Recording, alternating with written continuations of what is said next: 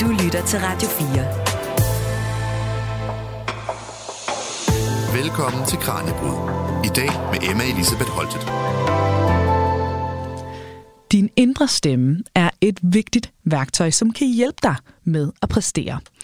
For hvordan du taler til og med dig selv har betydning for dine handlinger. Og derfor kan du også træne din såkaldte selvsnak, så din indre stemme faktisk hjælper dig, når du for eksempel skal løbe længere eller løse en svær opgave på arbejdet. Og som vi skal høre meget mere om senere her i programmet, så bruger vi også vores indre stemme til at øve os i samtaler eller genspil og analysere de snakke, vi har haft med andre. Men det er ikke alle, der kan høre deres indre stemme. Så hvordan påvirker det deres tilværelse? Både i forhold til opgaveløsning, men også deres sociale liv. Og hvordan måler vi i videnskabelige forsøg på noget så abstrakt og personligt som en indre dialog? Alt det og mere til det dykker vi ned i nu med en sprogforsker og en sportspsykolog, der hjælper os med at forstå, hvordan kan du blive bedre til at bruge din indre stemme til at præstere. Velkommen her til dagens Kranjebrød. Du lytter til Radio 4. Og med i studiet i dag, der har vi Johanne Sofie Krog Nedergaard, der er postdoc ved Institut for Nordiske Studier og Sprogvidenskab på Københavns Universitet, og som har skrevet Ph.D. på Aarhus Universitet ved afdeling for lingvistik, kognitionsvidenskab og semiotik om netop den indre stemme. Johanne, tusind tak, fordi du var med her i dag. Det var så lidt. Vi skal jo øh, dykke meget mere ned i det her i løbet af programmet, men sådan lige kort til en start. Hvad er det for nogle opgaver, som vores indre stemme den kan hjælpe os med? Øhm, folk de snakker tit om, at de bruger den til at huske, hvad de skal. Så for eksempel, hvis man skal ud og købe ind, så øver man sig sådan at sige mælk, ost, knækbrød, øh, sådan køre det for sig selv ind i hovedet, så man kan huske det, og planlægge deres liv, så hvis man skal i radioen, så kan man øve sig i, hvad man skal sige i radioen. øhm, og der er også rigtig mange, der bruger det til at motivere sig. Så sådan den klassiske, det er sådan at sige, kom så til sig selv, hvis man er et eller andet, der er, man ikke kan tage sig sammen til at gøre. Hvad enten det er at løbe en tur, eller skrive en opgave, eller sådan noget. Ja, så lige få ordnet de sidste arbejdsopgaver. Det kan også være sådan, altså det behøver ikke være fysisk, det kan også være ja. mentale opgaver ja. og sådan noget. Altså det øh, er jo næsten umuligt for os, der har en, og, og, og forestille os en tilværelse uden, når du siger det her ting. Jeg tænker, der er mange af lytterne, der måske mm. nikker genkendende, og måske ikke har tænkt over det som en indre stemme, men man ved jo godt, man, man gør det her. Men altså, er det rigtigt forstået, at der er folk, der slet ikke har den her indre stemme, eller sådan en dialog kørende ind i hovedet? Ja, øh, det er et meget nyt øh, forskningsfelt, men der er folk, der siger, at de ikke har nogen indre stemme, og det er der måske også nogle lyttere, der kan ikke genkende til. Det er altså måske sådan 5 procent eller sådan noget i den retning, som slet ikke kan genkende det her mm. med at have en indre stemme, og synes, det lyder enormt øh, frustrerende at have en, faktisk. Ja, og vi skal også, kan jeg godt afsløre for lytterne, mm. snak med en af dem i dag, som altså ikke har en indre stemme, og øh, ja, både svært at forestille sig livet uden, hvis man har en, men altså også, som du siger, omvendt. Øh, ja, det må jo næsten virke sådan skizofren for dem, der ikke har en, at høre, når vi snakker om, at øh, man har den her dialog kørende. Ikke? Øh, når vi for eksempel taler højt med os selv, er det så også bare en eksternalisering af vores indre stemme, eller er det noget andet? Øhm, ja, jeg vil sige, at de er sådan øh, kontinuerlige med hinanden. Der er nogle øh, teorier om, hvordan den indre stemme opstår, som siger, at det er sådan fra barns ben, at ens øh, forældre eller andre, der passer en, de fortæller en, hvad man skal gøre, så prøver at styre ens adfærd og sige sådan, lad være med at lægge din hånd på den her varme kogeplade, eller du skal øh, sådan stille de her klodser oven på hinanden på den her måde. Og så har næsten alle børn en fase, hvor de taler højt med sig selv på mm. den måde, selvom der ikke er nogen andre i nærheden. Og så er det teorien, at det bliver så internaliseret efterhånden. Og så er det så nogle gange i visse situationer, man stadigvæk taler højt til sig selv som voksen. Ja, øhm. jeg gør det helt vildt meget. Mm. Altså, er der forskel på, hvor meget man gør det? Er det, er det, er det, er det som du siger, er det sådan en ting i opdragelsen? Eller? Øhm, jeg ved, der er, der er sådan et fortal af voksne mennesker, der mm. fortæller mig, at de gør det, mm. og så er de alle sammen bange for, sådan, er der noget galt med mig, fordi jeg gør det her? Men det er der altså ikke. Det er fuldstændig kontinuerligt. Og især under corona øh, er der mange, der har fortalt mig, at de begynder at gøre det rigtig meget sådan, i mangel måske er at tale med øh, andre folk højt. Ja, så vi skal ikke være bekymrede os, der gør det. det der er ikke noget farligt i det. Øhm, altså til, til, til de lyttere, du siger det måske sådan cirka 5 procent, det ved man jo ikke helt præcis. Det er mm. i hvert fald en vis del af, af befolkningen. Ikke? Til dem, der ikke har en indre stemme. Hvordan kunne man øh, beskrive eller definere mm. det at have en indre stemme? Øhm, det er jo sådan, at man kan sige, at det er et, et sprog som sådan, fordi at det, man kan ligesom høre, at øh, det er et bestemt sprog. Mm. Så for eksempel, jeg kan godt høre, hvis jeg taler med mig selv på dansk eller på engelsk. Og det er sådan, man, man kan sådan høre eller øh, opdage, at det ikke bare er tanker, eller hvad man skal sige. At det er sådan, det har lydene af et, et talt højt sprog, mm. øhm, og sådan, det udfordrer sig over tid, ligesom et talt højt sprog. Og man kan også, altså det er forskelligt, hvor mange detaljer folk siger, at de kan høre i deres indre stemme. Nogle gange, nogen kan høre, at det er deres egen stemme også, at den har sådan samme kvalitet som deres højt mm. talte stemme. Andre kan høre sådan, øh, at man, man, taler, man øver sig på samtaler med andre mennesker. Mm. Sådan, hvis jeg øver mig på en samtale med min ven, som jeg skal fortælle et eller andet, så kan jeg både høre min egen stemme og deres stemme, mm. for eksempel. Så man kunne også godt have, jeg synes, jeg kan genkende til begge dele. Altså hvis jeg går og laver den der checkliste, du sagde, mm. ikke, så tror jeg sådan set, det er min egen stemme, jeg hører. Ja. Men så kan man også altså, spille scenarier. Mm. Eller genspille ja. tidligere samtaler også. Ikke? Ja. ja. Og inden for hvilke dele af videnskaben har man historisk set forsket i det her felt? Altså, det har en meget lang historie inden for filosofi, hvor man øh, har gået meget op i, hvad forskellen er på sprog og tanke, mm. og hvordan de influerer hinanden. Øhm, og så er der selvfølgelig også i, i psykologien, hvor man øh, siger sådan, ja, terapeutisk psykologiagtigt, øh, hvor man jo øh, snakker meget om, hvordan man, hvordan man taler til sig selv øh, i forskellige, hvis man er deprimeret eller har angst eller sådan noget. Mm. Øhm, og der historisk set skældnes der ikke så tit mellem, hvad der bare er tanker og hvad der er sprogligt. Mm. Øhm, så det er også noget, vi kommer til at arbejde mere på i fremtiden. Ja, og i forhold til det fordi din forskning, altså du er jo netop sprogforsker, så mm. hvad har været anderledes ved din tilgang i forhold til tidligere undersøgelser af den indre stemme? Øhm, der er rigtig mange teorier om, hvad, det, hvad den gør. Hvad den hjælper os med. Den hjælper os med at løse problemer og planlægge og motivere os selv og presse os selv og alt den slags. Øhm, og så det, jeg har gjort meget i min PhD, var at teste, om det rent faktisk virker. Øh, ikke på sådan en øh, nu træner vi folk til at tale med sig selv på en bestemt måde mm. øh, tilgang, men mere sådan en, nu prøver vi at øh, give folk en eller anden opgave, hvor de skal øh, bruge meget energi på at koncentrere sig eller motivere sig eller sådan noget. Og så prøver vi at se, om det, at de taler med sig selv, imens de laver den opgave, rent faktisk hjælper dem til at gøre det hurtigere eller bedre. Eller, mm. øh, så det kan man for eksempel gøre ved at prøve at distrahere dem fra at tale med sig selv ja. samtidig. Så sådan, hvis man nu siger, hvis man nu tror, at det hjælper at tale med sig selv, når man spiller skak, så kan man prøve at få nogen til at spille skak, og så prøve at tale på dem, hvad hedder det, distrahere dem fra at tale med sig selv samtidig, og så se, om de bliver dårligere til at spille skak, mm. i forhold til, hvis de ikke er distraheret. Øhm, og så kan man så sådan er lidt den indirekte vej udlede, at det at tale med sig selv hjælper. Og det er jo interessant, altså hvordan kan man så vide, at det er nu, nu siger jeg selvsnak, det er også noget, man bruger om, om den her indre stemme. Hvordan, mm. hvordan ved man, at det er det, man dæmper ned for, når man distraherer dem, og ikke bare for eksempel koncentration? Eller, ja. Altså, forstår du, hvad jeg mener? Ja, det er fuldstændig øh, nøgleproblem, ja. vi har. øhm, så jeg lavede for eksempel et studie, hvor jeg havde folk til at cykle på en motionscykel, så hurtigt de kunne. Øh, og så gav vi dem både en sproglig opgave, mm. samtidig der skulle distrahere dem fra at tale med sig selv, og sådan en visuel opgave mm. samtidig. Og det er så meningen, at de to opgaver skal matche hinanden, sådan at de kræver lige meget opmærksomhed eller koncentration. Men den ene så optager de sproglige ressourcer, og altså forhindrer en i at tale med sig selv til en vis grad, ja. og den anden ikke gør. Øhm, så det er sådan, man kontrollerer for det der, de der koncentrationseffekter, men det er meget vigtigt at gøre, og det er ikke alle studier, der gør det. Nej. øhm, Okay, men det er vildt, så det er simpelthen sproget på en eller anden måde, der altså er med til, altså som er nøglen i det her med, at vi bliver potentielt bedre til at løse en opgave. Mm. Det, øh, det kan man altså ja. måle på den her måde. Ja, ja. det er ideen. Ja. Er det fordi, det sådan sætter verden i system for os, eller altså, hvad, hvad, hvad er sådan den gængse forklaring på det her? Mm, jeg tror, man kan tænke på det på, ligesom det ville hjælpe en, hvis der var en anden person, der sagde nogle ting til en. Mm.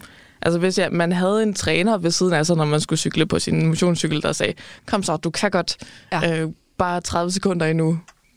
Tænk på, hvor godt du får det bagefter. Mm. Alle de der ting. Så kan man godt forestille sig, at det vil hjælpe, fordi det ligesom fokuserer en på de vigtige ting, eller øh, i den opgave, man skal løse. Øhm, så jeg tror, at hvis man prøver at forestille sig, at det er en anden person, der siger det, mm. så får man en god intuition om, hvordan det kan hjælpe en med at sådan rette opmærksomheden mod de rigtige aspekter også af problemet, ja. som man skal løse. Så altså, to hjerner er bedre end en, så på en eller anden måde, så, så sørger vores hjerner altså for, at vi har en, vi kan holde en dialog mm. med, og, ja. og, og problemløse på den måde. Det er jo ret vildt. Og øh, vi skal altså øh, snakke meget mere om det her i, i løbet af programmet, men øh, nu der skal vi øh, lige se på, hvad det egentlig er, vi indtil videre ved om den ændrede stemme, og hvad vi kan bruge det her til.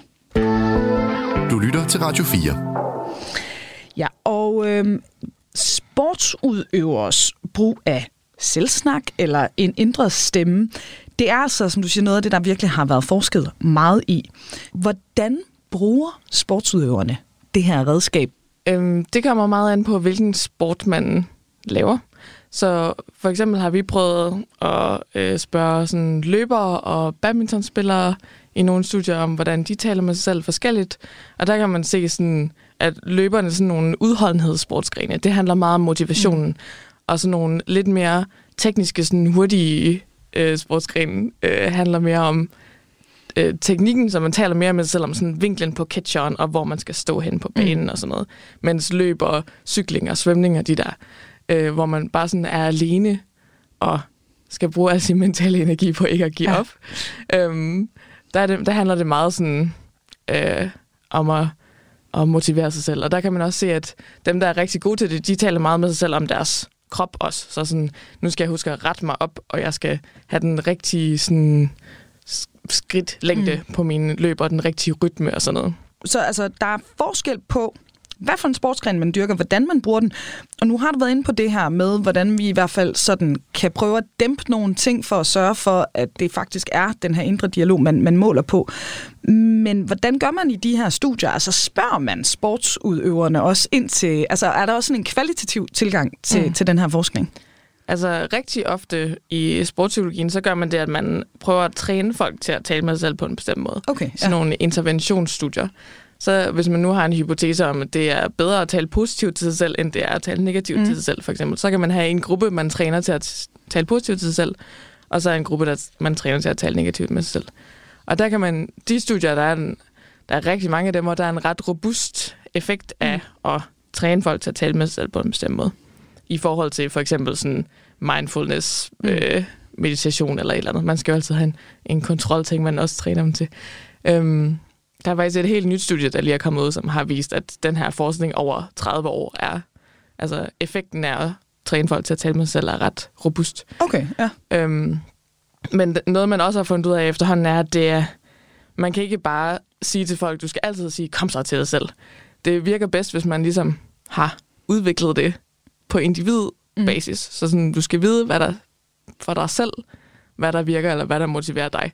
Og så kan du prøve at skrive nogle sådan... Øh, øh, små ytringer ned, som mm. du kan sige til dig selv, og så kan du huske på dem, når du er ude at løbe. Altså sådan, nu skal jeg huske at sige de her ting til mig selv, fordi det motiverer mig mm. virkelig meget. Så det er altså også noget, der skal trænes? Ja. ja. ja. Og apropos det, altså nu øh, snakker vi om det her med, at den indre stemme altså kan gavne de fleste af os, når vi gerne vil være, være gode til noget. Øh, men øh, dialogen inde i hjernen, den skal altså være ekstra skarp, hvis du gerne vil være blandt de allerbedste i verden til det, du nu har kastet dig over. Og øh, Team Danmark forsøger netop at gøre danske atleter til nogle af de bedste i verden, og derfor har organisationen selvfølgelig også ansat en gruppe sportspsykologer. En af dem er Anders Bendiksen, og han kender udmærket til det her med at have en indre stemme. Han bruger ikke præcis det udtryk i sit arbejde med de danske elitesportsbold. De kalder det lidt forskellige ting, men, men princippet er altså noget af det samme. Og lad os høre, hvad han fortæller her. Det kan være en indre dialog, eller vi kan kalde det selvsnak, eller vi kan, jeg kan i hvert fald høre mig selv også referere til, til nogle atleter og sige, i, i nogle bestemte situationer er du nødt til at coache dig selv, altså at gå i en eller anden øh, dialog med sig selv, hvor man måske siger nogle af de ting, til sig selv, som man typisk har erfaring med, at en træner i det givende tidspunkt måske også kunne finde på at, at hjælpe en med at have fokus på. Er det altid det samme? Altså hos, hos alle elitesportsudøvere? Nej, det er meget sportsspecifikt, og det vil sige, at, at det, som, det, som en cykelrytter kan have brug for i en given situation, vil være noget helt andet fra en badmintonspiller til en, til en håndboldspiller. Så, så det vil være meget både personafhængigt, men selvfølgelig også sportsspecifikt afhængigt. Hvorfor er der forskel på sportsgrenene? Jamen, det vil der typisk være, i, hvis vi tager cykling som et, et eksempel, hvor du er efterladt som individuel udøver i lange perioder op til mange timer, øh, egentlig med dine egne tanker. Det vil sige, at du kan blive meget øh, fokuseret og meget optaget af, hvad der sker på indersiden, hvor og det kan være super relevant i øvrigt.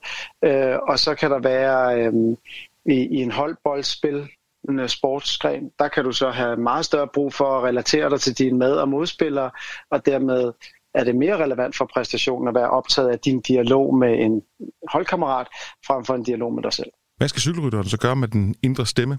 Altså cykelrytteren vil typisk have glæde jo af også at forberede sig på, hvor er det på etappen, at jeg tror, jeg vil blive maksimalt udfordret. Der vil for rigtig mange vedkommende kan det være, når man kører op ad et stort bjerg, der ved vi, der vil kroppen komme i, en kæmpe udfordring, og det vil sige, at den vil reagere med, med fysisk smerte over den fysiske belastning. Så hvordan er det, jeg gerne vil møde mig selv? Hvad er det for nogle fokuspunkter, jeg vil have der omkring, at nu skal jeg være modig, nu skal jeg være tapper, det gør ondt på mig, men det gør også ondt på de andre. Øh, jeg kan godt håndtere smerten, jeg er godt trænet, jeg er i god form. Der, der kan være alle mulige ting, som man i de situationer øh, har forberedt sig på, at når jeg havner i den her situation, så er der nogle ting, som særligt er brugbare for mig, og snakke med mig selv om, have fokus på øh, i talsæt øh, over for mig selv i forhold til den opgave, jeg er i gang med. Hvordan bliver du klog på den enkelte udøvers indre dialog? Det gør jeg i, i, min, i mine snakke med dem omkring, øh, altså det kan være et helt, helt åbent spørgsmål, som i sådan, hvad, hvad sker der egentlig inden i dit hoved, eller, når du sidder der, eller hvad, hvad løber gennem hovedet på dig, når du sidder der og slås på vej op ad bjerget, eller hvad for nogle tanker dukker op, når, du enten bliver sat, eller når du sidder på baghjul af de førende, eller, eller du rykker, eller hvad det nu må situationen er, så er det egentlig bare at spørge ind til det. Der, der ligger også et træningselement for rigtig mange atleter i egentlig at blive bevidste om, hvad er det egentlig, der foregår, når det sker. Altså, hvad er det så for nogle tanker, eller hvad er det for en dialog, jeg egentlig har med mig selv? Og det er jo det første skridt i overhovedet at få kvalificeret den dialog, man har med sig selv, det er at blive bevidst om, hvad det egentlig er, der foregår. Så at jeg ikke bare ryger ind i en automatisk dialog, som jeg har med mig fra et eller andet mere eller mindre tilfældigt sted, men at jeg så bliver bevidst om, hvad der, foregår, for på den måde at få trænet min stemme til at blive så hjælpsom og så konstruktiv for min præstation som overhovedet muligt. Du arbejder selv meget med sejlsport. Er det de samme ting, der gør sig gældende i, i sådan en idrætsgren? Der hvor, hvor, hvor der, der er mange ting, der, der er naturlig også adskiller sig fra cykling og sejlsport her, men, men en af de væsensforskelle, der i hvert fald er helt åbenlyst, det er, at udover at du er alene, så, så minder det jo lidt om hinanden, men den fysiske komponent er ganske forskellig, ikke? hvor cykelrytteren er, er, er, er fuld on øh, lunge- og kardiokapacitet, så har, så har, så har sejlsporten jo også øh, mange strategiske beslutninger, øh, hvornår, hvor går jeg hen på banen, hvor er vinden, hvor er trykkene, hvad er det, jeg er på jagt efter, hvad gør mine modstandere og sådan nogle ting der.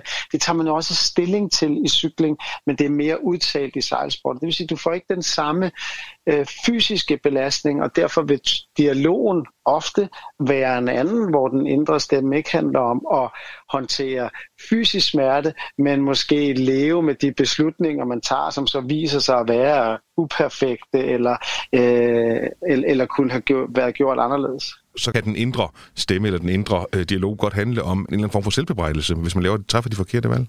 Det kan, det kan i hvert fald være den reaktion, der opstår på et forkert valg, og så kan det være konstruktivt at arbejde med, hvordan er det så, jeg øh, stemmemæssigt tilgår mig selv, når jeg havner i den situation. Ikke? Altså kan jeg kultivere en stemme hos mig selv, som er mere tilgivende, som er mere omsorgsfuld, frem for at have en stemme, der er bebrejdende og dømmende over for den øh, uperfekte beslutning, jeg har truffet. Du lytter til Radio 4. fortalte her Anders Bendiksen, sportspsykolog ved Team Danmark. Og med i studiet, der har vi sprogforsker Johanne Sofie Kro Nedergaard. For her i dagens Kranjebrud, der zoomer vi lige nu ind på den indre stemme. Og øh, Johanne, jeg synes, det taler meget ind i det, du mm. stod og, og fortalte lige før. Men inden jeg stiller dig flere spørgsmål, hvad tænker du, når du hører Anders fra Team Danmark fortælle om deres arbejde?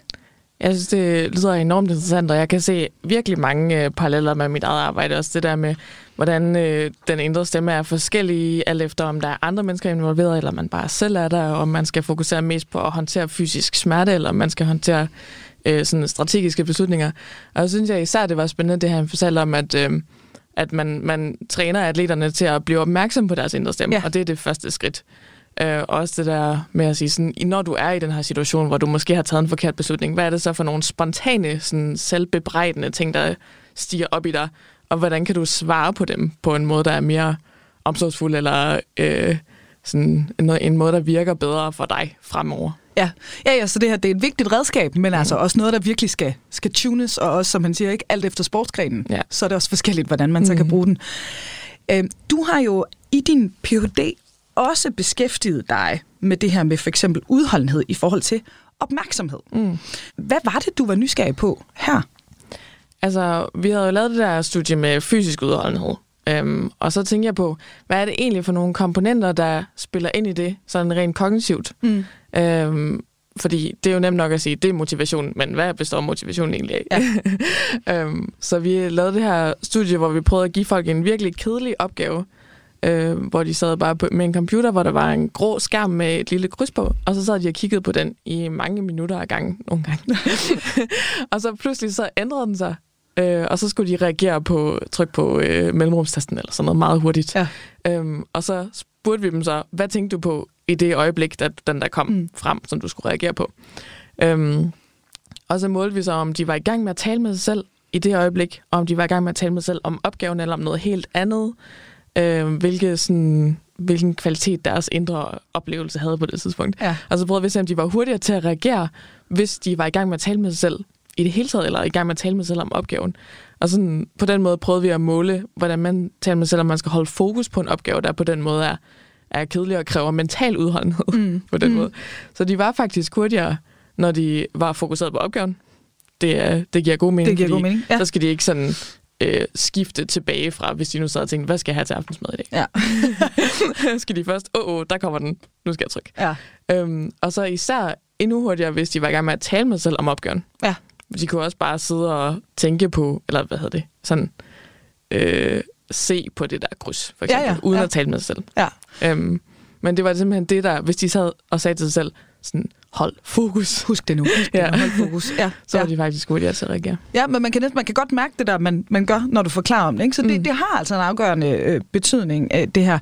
Øhm, som, som del af din forskning, der lavede du også øh, det, man kalder et systematic review, hvor øh, du altså har kigget på nogle af de undersøgelser, der er blevet lavet netop øh, i forhold til den indre stemme. Hva, hvad fandt du ud af igennem det arbejde? Ja, det var så de her studier, der specifikt prøver at distrahere folk fra at tale med sig mm. Og der var en, en hel masse forskellige studier i det, i det område. Nogle, der handlede om at kategorisere ting, og nogle, der handlede om at huske, løse problemer og finde vej. Øh, sådan skifte mellem forskellige opgaver mm. også. Og der fandt jeg sådan ud af i overordnet træk, at øh, øh, det meste af de opgaver, hvor man ligesom bruger den indre stemme til at øve et eller andet igen og igen, ja. øh, for at minde sig selv om noget, hvor det hjælper. Øhm, så for eksempel, så giver man folk sådan en, øh, en liste over tal, og så skal de skifte mellem at lægge tre til og trække tre fra hele vejen ned igennem den der liste. Mm. Og hvis de selv skal huske på det, så bliver de dårligere til det, hvis de bliver distraheret fra at tale med sig selv. Sådan, fordi at normalt vil man skulle sige plus, minus, plus, minus, plus, minus til sig selv, ja. for eksempel. Så det bliver dårligt til. Der kan man godt forestille sig, at man skal minde sig selv om, hvad er opgaven lige nu. Ja. Øhm, og så i mindre grad fandt vi, at den indre stemme hjælper i sådan nogle opgaver, hvor man øh, for eksempel skal finde vej, hvis man har... Det er sådan nogle studier, hvor de giver folk bind for øjnene, og så snor dem rundt ind i et rum. Mens de distraherer dem fra at tale med sig, og så øh, tager de bindet for øjnene af, og så skal de orientere sig i det rum. Ja. Og sådan, nogle af de første studier fandt, at det er de faktisk dårligere til, hvis de bliver distraheret fra at tale med sig selv. Og der er jo teorien sådan, at man skal bruge den indre stemme på en eller anden måde til at integrere forskellige kilder, informationskilder mm. i det der rum. Mm. Sådan noget, noget, noget farver, noget geometri og noget forskellige ting, fordi at den indre stemme så kunne være sådan et fælles format for de her ting. Ja. Øhm, men så i nogle efterfølgende studier, så har de ikke fundet det, når de har prøvet at replikere det. Okay, så ideen er, altså det her, for eksempel, mm. hvis man skulle bruge den til at finde vej, så ville det give mening, hvis man går ind i en by, hvor man så siger højt til sig selv, nu går jeg ned ad Åbogade, og ja. der er det røde hus, eller altså, så man ligesom ja. aktivt mm. kan integrere de der indtryk Præcis. ved hjælp af stemmen. Ja, hvis man siger sådan højre, venstre, ja. Å. Ja. ja, det giver jo, det giver jo også uh, god mening. Uh, så i forhold til de her teorier, der er, fordi det er jo, som du siger, det er jo et område, der virkelig stadigvæk mm. er masser, der skal undersøges i forhold til. Øh, men, men der er ligesom to, som jeg forstår det overordnede øh, teser, at man på det ene side sådan kan se det her som et strukturelt redskab, eller som sådan et rehearsal redskab, ja. kan man også sige. Kan du ikke mm. forklare, hvad de, de to idéer går ud på? Jo, Øhm, det med at se det som et strukturelt redskab, det går helt tilbage øhm, med sådan antik filosofi, hvor man tænker på sprog og tanke, at øh, sproget har sådan nogle kategorier. Så hvis vi for eksempel tænker på farvespektret, mm. øh, det er jo i virkeligheden bare en hel masse bølgelængder. Der er ikke nogen sådan, der er ikke nogen naturlige grænser mellem hvad der er, er rød og hvad der er lilla og sådan mm. noget. Øhm, og det, det sproget gør, det afgrænser et bestemt udsnit af det her spektrum og siger, her er grøn, her er blå. Mm. Og nu kalder vi det de her ord, de, vi giver dem de her labels, og så kan vi bedre bruge dem til at, som byggeklodseragtigt, til at tænke videre. Ja. Øh, så det er der, hvor man tænker på sproget som et strukturelt mm. redskab. Så noget, der mm, vores verden, som vi sanser, den er meget kontinuerlig, og så bruger vi sproget til at skære den ud i ja. blokke, som vi bedre kan bruge ja. til at tænke eller løse problemer eller planlægge. Øh, og så som rehearsal-mekanisme, der er det mere sådan som jeg også øh, fortalte før, som hvis man forestiller sig, at det en anden fortalt en ting. Eller at man skriver det ned, for eksempel. Hvis man skriver sin indkøbsliste ned, så svarer det lidt til at øh, sådan øve den i hovedet mm. igen og igen. Mm. Øhm, hvis man øver en samtale. Ja. ja. ja.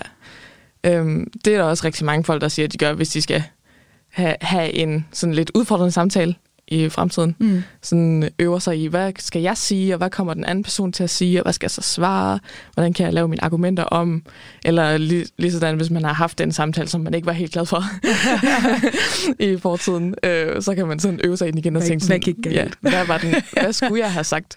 Ja, det øh, kender man også godt. Ja, det. altså, hvilke en af de her teser læner du mest til, eller er det en kombination af begge måske? Øh, ja, jeg vil tro, det er en kombination af begge. Sådan, I den der systematic review, vi lavede, der var der jo så mest øh, evidens for rehearsal-baseret mm. øh, den, den måde, at den indre stemme hjælper på. Men det var igen sådan, måske et artefakt af, hvordan man laver de, den slags studier, fordi det er tit sådan med, at folk de skal gentage et ord for sig selv højt. Sådan, mm. De sidder og siger, december, december, december, december. Og så er det meget svært at tale med sig selv ind i hovedet samtidig. Men det er jo også meget sådan jeg ved ikke, om man kan kalde det overfladisk, eller det, er meget, det handler meget om lydene og bevægelserne mm, mm. i sproget, og øh, ikke så meget om sådan, de bagvedliggende sproglige strukturer, eller hvad man skal sige. Man kan godt forestille sig, at selvom man siger december, december, december, december, så kan man godt kigge på et farvespektrum og sige, her er rød og her er grøn. Ja. ja. Så også meget i forhold til, hvad det så er, man har undersøgt. Ja. Ikke? Så, så vil ja, det slå forskelligt ud. Mm. Ja. Og øh, nu skal vi egentlig tilbage til det, vi startede med, øh, nemlig dem, der ikke har en indre stemme. Mm-hmm. Øh, fordi det har du jo så også beskæftiget dig med i din Ph.D. Hvilken betydning har det overordnet set, at man ikke laver det her selvsnak? Øh, ja, det er jo et meget nyt forskningsfelt, mm. så der er ikke så mange, der ved noget endnu om det. Det er først sådan for nylig, at vi overhovedet har fundet ud af, at de findes. De findes. ja. Men det siger jo også i sig selv noget, at mm. man ikke ligesom opdager det. Mm. Øh, og på en måde siger det jo, at det ikke kan betyde så frygtelig meget. Mm. Hvis, man aldrig, hvis det nu var fuldstændig afgørende for at styre sin egen adfærd, så ville man nok opdage, at der var nogen, der ikke kunne styre deres egen adfærd. Ja. Men det er der ikke. Nej. og der er ikke noget sådan, ifølge mine undersøgelser indtil videre, er der ikke noget sådan slående mm. øh, ved de her mennesker, som ikke har nogen indre stemme. Men vi har jo prøvet at lave nogle forskellige det kan jo også være, at det er bare fordi, de ikke mener det samme, når de siger indre stemme, som ja. vi andre gør. Øhm, så vi har prøvet sådan til en start at, at teste, om det har nogle effekter på deres adfærd. Mm. For eksempel, er den indre stemme og sådan den verbale arbejdsudkommelse, de hænger tit rigtig meget sammen. Mm. Det er det samme som når man skal øve sig på en indkøbsliste. Så vi har prøvet at teste sådan, har de en dårligere verbal arbejdsudkommelse, for eksempel. Det kunne man jo sådan lige umiddelbart, at det er den første hypotese, man ja. tænker på. Også fordi det, er, det har været testet siden øh, 60'erne mindst meget længere tid, så man ved, man har nogle meget specifikke måder at teste den verbale arbejdsudkommelse på. Så det gjorde vi, og så fandt vi ud af, at det har de faktisk en dårligere verbal arbejdsudkommelse. Ja. Så det var rigtig interessant, som sådan et første skridt. Sådan, da, det ser ud som om, de har ret i en eller anden øh, udstrækning, når de siger, de bruger den ikke Nej. så meget. Nej. Tit så siger de, jeg kan godt øh, sige ting højt for mig selv, hvis jeg virkelig, virkelig vil, men jeg bruger det ikke til at planlægge, eller jeg bruger det ikke spontant i mit liv. Um, og så prøvede vi også at give dem sådan nogle billeder, som de skulle sige, om de rimede. Så for eksempel et billede af et hus og en billede af en mus. Så skulle de sige, rimer de her to ord. Mm. Og der skal man jo sådan sige det højt for sig selv ind i hovedet, for at man kan vurdere, om lydene er øh, rime på hinanden. Ja. Øh, og det var de også dårlige at se, faktisk. Så potentielt i hvert fald dårligere til, eller de er dårligere til nogle opgaver, mm. og vi skal snakke lidt øh, lige om lidt videre om, hvad det ellers kunne betyde. Der kunne jo også måske være nogle fordele ja. ved det her. Det venter vi lige lidt med, fordi nu skal vi øh, altså lige dykke lidt ned i det her med, hvordan verden føles eller opleves, når man mm. ikke har en indre stemme. For det er altså netop ikke alle danskere, der har en, og en af dem, det er forfatteren Anne Hjelmsø, som altså siger, hun ikke har nogen indre dialog. Det her det opdagede Anne først for cirka et halvt års tid siden. Dengang der tog hun faktisk kontakt med dagens gæst her i Kranjebrydstudiet, forsker Johanne Sofie Krog Nedergaard. Og det skete efter, at Anne tilfældigt havde læst en artikel om en berømt cykelrytter, der lige havde vundet et løb. Han var stolt og glad, og så var han blevet interviewet om, hvordan han havde båret sig ad, fordi det er jo sindssygt hårdt at være cykelrytter op. Og så sagde han, at han vandt på grund af den indre stemme, der hele tiden hæppede på ham, og som hele tiden fortalte ham, at nu skal du bare, og du kan jo godt, og kom nu op. Og det var så opmuntrende, og det var så på en eller anden måde medrivende for den her mand, så han også vandt. Og så tænkte jeg, sådan en stemme har jeg da ikke. Og så tænker jeg, kunne vi have mand være syg? Fordi man har jo hørt om nogle skizofrene, der har nogle indre stemmer, der siger, at man skal slå nogle andre ihjel og den slags. Men det var jo helt klart, at den her mand ikke var syg. Så tænkte jeg, det var da egentlig underligt. Og så læste jeg en artikel, som Johanne havde skrevet, og så skrev jeg til Johanne, at jeg forstår ikke, hvad det der indre stemme er. Og så, det gør jeg måske stadig ikke, fordi jeg har ikke en indre stemme. Sådan er det. Hvordan ser dine tanker så ud, hvis ikke du har nogle stemmer, nogle ord foran dig? Ja, nu, nu er jeg et ordmenneske, og jeg er også forfatter, og jeg er også magister, og jeg har også læst retorik og kommunikation og alt muligt andet, så, så ord er noget, jeg forstår mig på. Og jeg synes også selv, at jeg forstår mig på billeder. Men nu ved jeg godt, det her tidsspring, som, som måske ikke er interessant her, men, men jeg har også noget, der hedder afantasier, så jeg kan heller ikke danne billeder på min nethænde eller visualisere, hvilket jeg heller ikke vidste. Og det er jo også noget, jeg opdagede for et par år siden.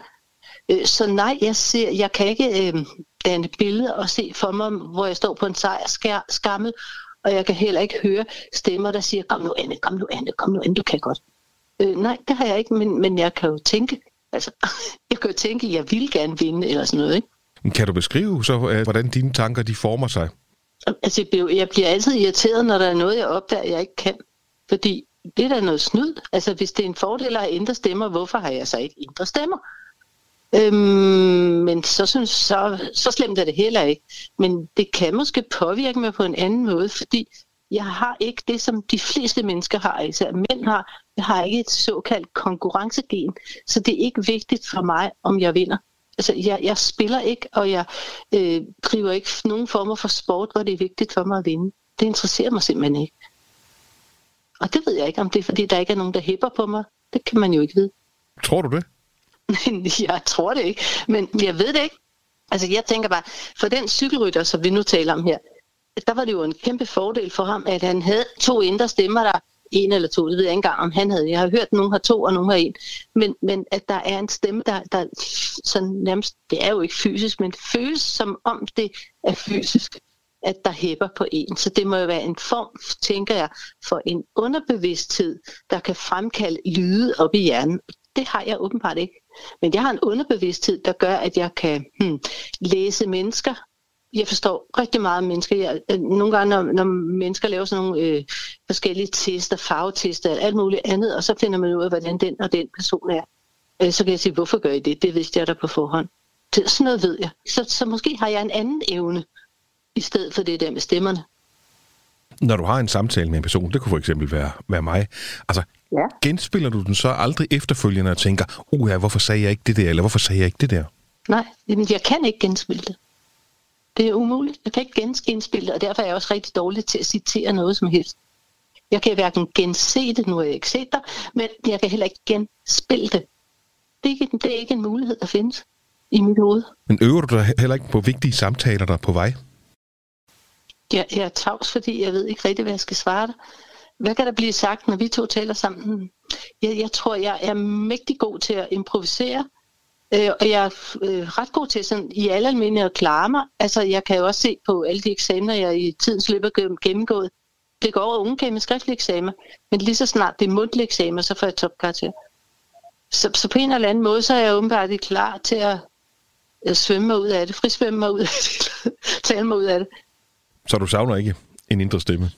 Øh, jeg har ikke savnet den indtil nu, fordi jeg ikke vidste. Jeg vidste ikke, jeg, jeg, vidste ikke, jeg manglede den. Men jeg, jeg vil sige, det der med de indre billeder, det irriterer mig. Det, det er fordi også det ord er fantasier. Det irriterer mig virkelig. Men du kan ikke gøre noget ved det. Altså, du kan jo heller ikke gøre noget ved det, hvis du er født med et ben i stedet for to. Altså, så må man jo klare sig. Så må man få nogle hjælpemidler, eller være mere kreativ på en eller anden måde. Ikke? Så det vil jeg bare sige til alle andre. Jamen, det, man har fejl og mangler, om vi er forskellige alle sammen. Så, så hvorfor ikke bare øh, tage det med et smil og se at komme videre og få det bedste ud af det? Så det er det eneste, jeg kan sige til det. Du lytter til Radio 4 fortalte forfatter Anne Hjelmsø. Og øh, Anne, som vi hørte her, hun er altså en af de danskere, der ikke har nogen indre stemme. Og øh, det er netop den indre stemmes magt, vi sætter fokus på her i dagens Kranjebrud, hvor vi spørger vores studiegæst, sprogforsker Johanne Sofie Krog Nedergaard, hvad den indre stemme den egentlig kan hjælpe os med. Og øh, Johanne, inden jeg skyder endnu flere spørgsmål i din retning, er der noget, du bliver mærke i i forhold til det, Anne Hjelmsø hun fortæller her? Det er virkelig karakteristisk, at det er utrolig svært at forklare, hvordan ens tanker er mm. eller føles, når man øh, ikke har, når man, det ikke er med sprog. Mm. Øh, selv da hun skulle øh, fortælle, hvad hun måske tænkte, så, sagde, så siger hun jo stadigvæk, jeg vil gå en tur, eller sådan noget. Det var det, jeg tænkte. Og der Ja. er det jo i sprog, men det er, fordi man forklarer det til andre mennesker. Ja. Og det er sådan utrolig øh, svært at formulere, hvordan ens indre oplevelse er, hvis ikke det skal være med sprog, selvfølgelig. Ja. Øhm, og det er der også i mine studier, har jeg også tit prøvet at spørge folk, sådan, hvordan føles det for dig, når du ikke har nogen indre stemme? Og det er virkelig svært. Så siger folk, at de tænker i koncepter eller begreber. Og så tænker man, okay, hvad Mm. betyder det? Men nogle gange forklarer folk også, at det føles ligesom at have sådan en øh, øh, tip of the tongue state, øh, hvor man ikke kan komme i tanke om et ord. Mm. Det kender vi nok alle sammen godt. Jeg vil gerne sige noget, men jeg kan simpelthen ikke huske, hvad det hedder. Mm. Jeg ved præcis, hvad jeg vil sige, men jeg kan ikke huske, hvad det hedder. Så der har man ligesom konceptet, men man har ikke ordet. Ja. Og de siger, at det føles sådan, sådan hele tiden. Ja. Sådan, jeg ved, hvad koncepterne er. Jeg ved, hvad tankerne er, men der er ikke nogen lyd eller bevægelse eller øh, sådan, ja, ord øh, ovenpå, eller hvad man skal sige. Ja. Øhm, og så siger de også, det der er meget, meget karakteristisk også, at man ikke øver sig i samtaler, som man øh, skal have i fremtiden, eller at man, så man øh, sådan genspiller samtaler, man allerede har haft. Ja, og det, og det lyder jo i min verden helt vildt. Nu kan man også høre, hun siger jo også, at det lyder skizofrent at have en indre stemme, så det er klart, at, at på hver sin side af den her virkelighed, så er det faktisk lidt svært at forstå, hvordan den tilværelse må være, ikke med eller uden.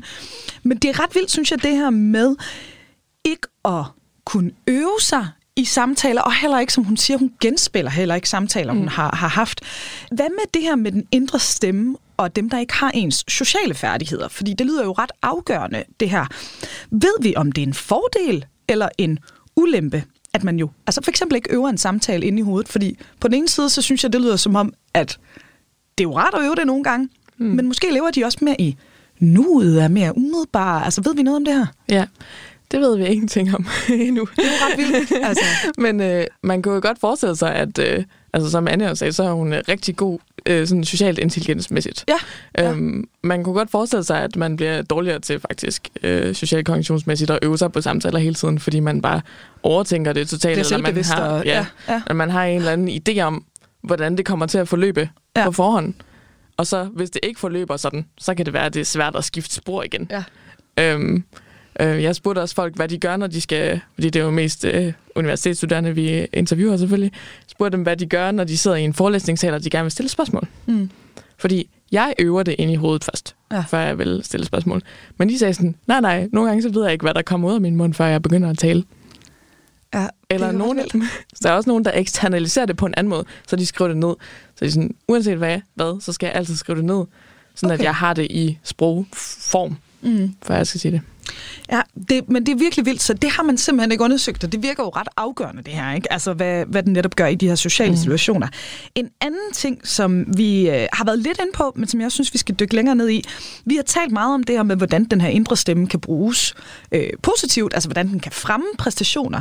Mm. Men hvad med, når den er negativ? For det kan den jo også være, når den fortæller os, det kan du ikke finde ud af, eller den der samtale, den gik helt af sporet, eller et eller andet, ikke? Det, det er meget noget af det, man går op i forskellige sådan, øh, psykologi, terapi, øh, retninger. Mm. For eksempel det, der hedder kognitiv adfærdsterapi, øh, som meget handler om at blive bevidst om sine egne tanker, Mm. og genkende dem sådan katastrofetanker for eksempel.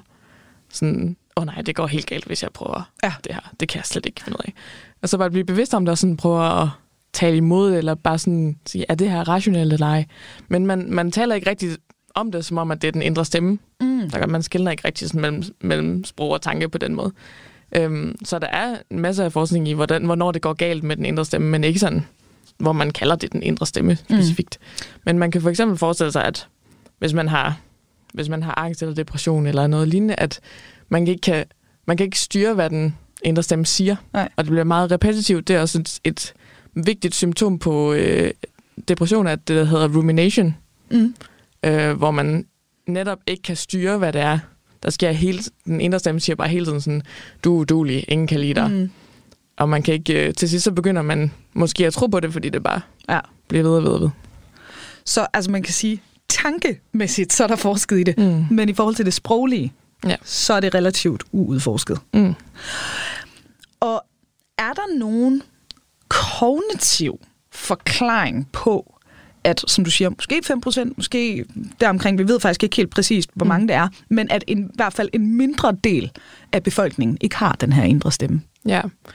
Øhm, vi, vi har ikke fundet ud af i vores forskning endnu, om det er tilfældet, at folk ikke har nogen indre stemme, Mm. mm. eller de har en, men de kan ikke høre den. Okay. ja. Øhm, Det tror jeg, du bliver nødt til at forklare. Øhm, ja. Så det, jeg startede med at sige, øh, var for eksempel, at man kan høre, hvilket sprog det er, man taler Mm. på. Øhm, men hvis man ligesom ikke... Der er sådan en faktor, der er sådan, hvor tydeligt er de ting, du kan se og høre for dig. Hvor tydeligt de ting, du sanser, som du ikke sanser i virkeligheden, som du bare sanser ind i hovedet. Ja. Hvor klare står de, og hvor detaljerede står de. Øh, og det kan være, at det bare er det. Mm. Eller bare og bare. Men det kan være, at det er helt øh, forsvundet, ligesom Anne sagde, at hun ikke kunne se billeder for sig. Så kan det være, at man ikke kan høre lyd for sig. Mm. Og sådan, der er en... Det er meget svært at forestille sig også, men der er en indre stemme, som man bare ikke kan høre. Måske. Ja. Øhm, fordi vi fandt også i de der eksperimenter, hvor vi fandt, at de havde en dårligere arbejdsudkommelse, så fandt vi også, at der er nogle andre opgaver. For eksempel det der med at huske plus og minus. Plus, minus, plus, minus, plus, minus. Det var de overhovedet ikke dårligere til. Okay. Og der kan man godt forestille sig sådan, man bare tænker på øh, konceptet og lægge til, og konceptet og trække fra. Ja. Ligesom, man behøver ikke at høre det for, på en eller anden måde. Ja. Eller de har en anden måde. Der var også nogen, der sagde, at de forestillede, at de sådan, øh, øh, bankede med den ene finger i bordet for at betyde, altså for at huske sig selv på plus, og den anden finger for at huske sig selv på minus. Okay. Så de sådan eksternaliserer det på en anden måde. Ja. Ja. Det er jo vildt, det er jo, det er jo, det er, og, det, og netop som du siger, det er det her med at prøve at forestille sig, at det, det er der, men den sproglige del af det er væk. Det synes jeg, det er, det er helt, helt vildt svært, når man øh, i hvert fald er nogle af dem, der er vant til at have en indre dialog. Ikke?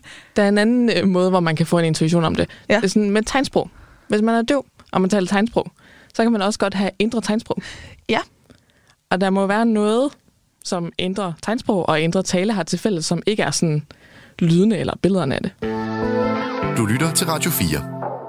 Er der andet, vi endnu ikke ved? Fordi nu har vi været inde på mange ting, men er der noget, vi har overset i forhold til, hvad vi endnu ikke ved om den indre stemmes sådan, funktion og betydning? Mm. Jeg synes, det er meget lovende, det her med at undersøge, hvad der sker, når folk siger, at de ikke har nogen Ja. indre stemme. Både det her med de sociale færdigheder, øhm, og sådan eventuelt, om der er nogle ting, øh, som de er bedre til, fordi de ikke overtænker det, eller fordi de ikke... Øh, ja. Ja. øhm, og vi har også gang i nogle eksperimenter, hvor vi prøver at finde ud af, hvad er det for nogle fysiske effekter, øh, den indre stemme har. Så hvis man sidder og taler negativt med sig selv rigtig meget, mm. er det så stiger blodtrykket og stiger, ja. begynder hjertet at banke hurtigt og sådan noget. Ligesom hvis der var en anden en, der stod og skældte ind ud. Ja. Og det, det tyder det faktisk lidt på, at det gør. Okay.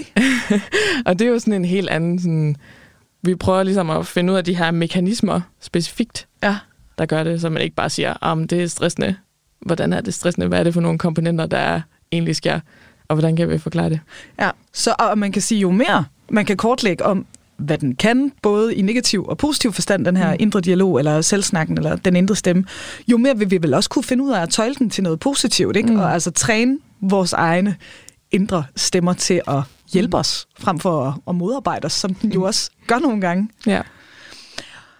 Der er jo altså tydeligvis nok at undersøge på, på det her felt. Hvad vil du allerhelst gerne øh, arbejde videre med? Jeg vil øh, allerhelst øh, gerne arbejde videre med de her mennesker, der ikke har nogen indre stemme, tror jeg. Og prøve at finde ud af, om det er tilfældet, at de har en indre stemme, men Ja. ja. ikke kan høre den, eller om de overhovedet ikke har en. Og hvad, hvis vi kan, på en eller anden måde kan teste os frem til, at det er tilfældet, at de bare ikke har nogen indre stemme overhovedet, øh, så bliver man nødt til at tage det alvorligt, når man også prøver at forklare, hvad den indre stemme så spiller af rolle for folk, der har det. Ja. Øhm, men det er sammen med afantasia, som Anne hun også fortæller mm. om, at man ikke kan se billeder for mm. sig selv. Det, det har man forsket i sådan intensivt siden 2010-agtigt. Øh, og der er allerede meget lovende sådan, forskning inden for det, at man for eksempel sådan helt vildt øh, måler folks pupilstørrelse, mens de forestiller sig noget, der er meget mørkt, eller noget, der er meget lyst. Okay. Og med ja. folk, der ikke har afantasier, så kan man se effekterne på pupilstørrelsen, når man bare forestiller sig det. Ser det for sig fra sit indre blik. Sådan en lille smule, ligesom hvis man så noget, der var meget lyst eller meget mørkt Vildt. i virkeligheden. Og det har de ikke. Så på den måde har man sådan en eller anden fysisk mål på, at øh, de har den ret, når de fortæller, at de ikke ser ting for sig. Så sådan at arbejde videre med, om vi kan finde en eller anden fysisk måde at måle, at man ikke har nogen indre stemme. Ja. Det kunne være fedt. og hvordan de så oplever verden. Mm. prøver at få, få os andre til at forstå det. Det er jo helt vildt, jeg elsker det der, når man snakker med, med forskere, hvor øh, der lige pludselig åbner sig sådan ting op, man ikke vidste, vi stadig manglede at opdage. Ikke? Altså, øh, man lever bare i en verden, hvor alt er tegnet ind på alle landkort, og man føler nærmest, at vi skal til rummet for at opdage noget nyt, men så er der bare stadigvæk ting på universiteterne i Danmark, hvor man siger, det her, det er bare, vi fatter ikke, hvordan det her det fungerer, og så kan man prøve at, at grave det frem. Det, det kan jeg virkelig godt forstå, at øh, du gerne vil dykke ned i. Ja. Hvis vi skal, og det er svært, fordi det er jo en spændende snak, vi har haft. Vi har været ude i sportspsykologi, vi har hørt fra Anne, der ikke har en indre stemme, vi har hørt, hvad vi kan bruge vores indre stemme til, at vi kan træne den osv. Hvis vi sådan skal prøve at lave en afsluttende lektion, inden vi siger farvel her i Kranjebrud. Johanne, hvis der er én ting, du håber, lytterne tager med fra vores samtale om den indre stemme, hvad håber du så, de husker på? Jeg tror, det med, at det er vigtigt at blive bevidst om sin indre stemme. Mm. Det, det tror jeg, der er mange, der ikke er. Også mig selv inklusiv, før jeg begyndte at forske den. Ja. øh, at man kan gå og lægge mærke til, hvad det egentlig er, man siger til sig selv normalt. Mm. Og om det er øh, sådan fordrende for ens velfærd, ja. eller ej. Ja. om man... Øh, øh, om det rent faktisk hjælper det, man siger til sig selv, og hvordan man kunne... Sådan lidt ligesom sportsudøverne gør. Sådan, når jeg er i krise, hvad er det, jeg siger til mig selv? Hvordan kan jeg møde den krise? Ja. Sådan, Det synes jeg, og så os, der går og taler højt med os selv, vi skal ikke være bange for, at vi er sådan lidt småtosset. nej, nej. Det er bare en eksternalisering af vores indre stemme, som kan hjælpe os langt ad vejen. Det vil jeg i hvert fald tage med mig.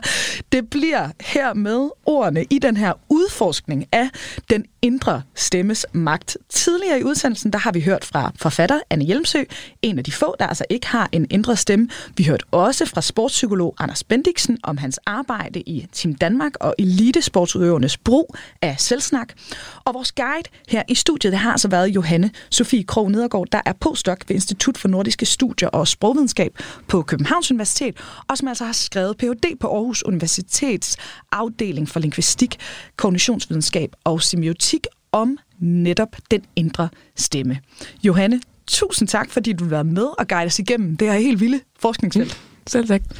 Og øh, Kranjebrud går på weekend nu, men hæng på, for lige om lidt, der er det tid til nyhederne. Og så er vi ellers tilbage på mandag, og det er som altid kl. 12.10. Her stiller vi skarpt på vores digitale spor, for når du tracker din løbetur eller tænder lommelygten på din smartphone, ja, hvor ender det datamund henne? Det bliver vi klogere på, når vi undersøger, hvad de her informationer kan bruges til, og altså ikke mindst, hvem de ender hos. Indtil da på genhør, og tak fordi du lytter med. Mit navn er Emma Elisabeth Holtet, og Kranjebrud er, som altid, produceret af Videnslyd for Radio 4. Jeg, jeg har ikke tal på, hvor mange gange jeg har hørt fra folk, ej, I er bare sådan en power couple. Skilsmisse, livskrise og en familie, der pludselig skal være to. Og I kan bare det hele. Hver uge inviterer Marie Sloma Kvartrup en kendt dansker ud i sin kolonihave til en samtale om knuste hjerter. Og så knækker jeg fuldstændig sammen. Jeg falder til gulvet. Splittede venskaber. Der knækkede filmen. Der kunne jeg ikke mere. Og hvordan man rejser sig og kommer videre. Og det gik jo også op for mig, at alt det, han har bildt mig ind, det er jo en stor fed løgn. Lyt til Skilsmissen i Radio 4's app, eller der, hvor du lytter til podcast. Radio 4. Hvor er det fucked up, det jeg har levet i. Ikke så forudsigeligt.